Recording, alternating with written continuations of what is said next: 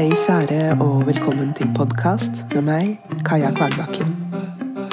I dag med et fredagsbrev om å leke med sitt indre barn. 1. Barnet får ikke sove. Det holder meg våken. Jeg veit ikke om det er lyset eller bare trass. Jeg vil leke, sier barnet. Nå. Jeg vil sove, sier jeg. Jeg orker ikke enda en altfor kort natt. En morgen som kommer for fort.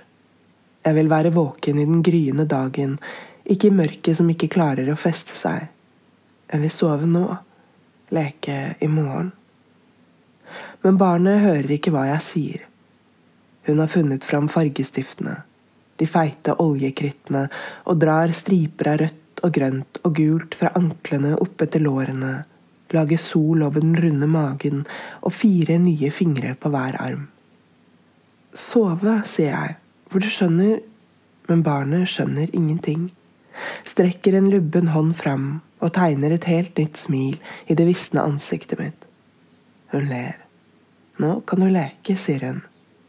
Men jeg kan ikke leke, for jeg har en hel morgendag å leve. Har ikke tid til nå. Men hun skjønner at om jeg ikke leker nå, så leker jeg aldri. For i morgen er det et nytt alvor når jeg setter barnet ned med de samme fargestiftene. Lek, sier jeg da, men da vil hun ikke leke. Ikke min lek. Hun vil sove. Hun vil slikke bunkene med papir. Hun vil brette fly eller fluer eller måle hvor langt det er fra veggen til vinduet i antall rull sidelengs og forlengs. Hun vil ikke leke på kommando, tilmålt tid med krav om resultater. Hun vil leke nå.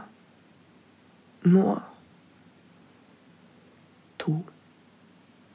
Jeg tror jeg av og til fortsatt er det barnet jeg en gang var.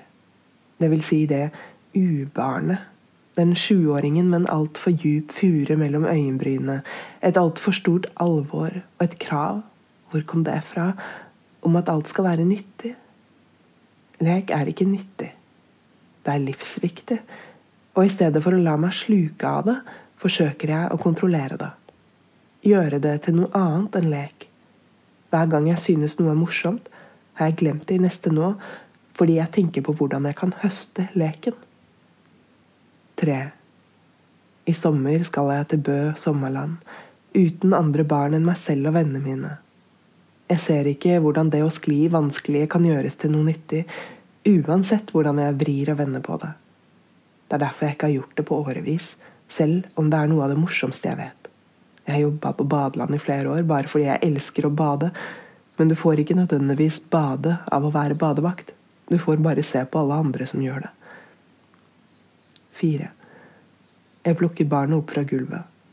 Hun har sovnet. Jeg pusser tennene hennes og holder henne mjukt mens hun tisser med øynene fortsatt igjen. Så legger jeg henne i sengen. På min plass. Hvis du skulle tillate deg selv å gjøre én ting denne helgen som sjuåringen i deg ville ha elsket, hva ville det ha vært?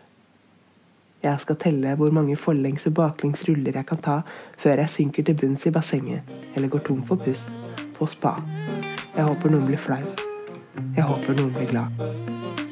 Hjertelig hilsen Kaja. Lev.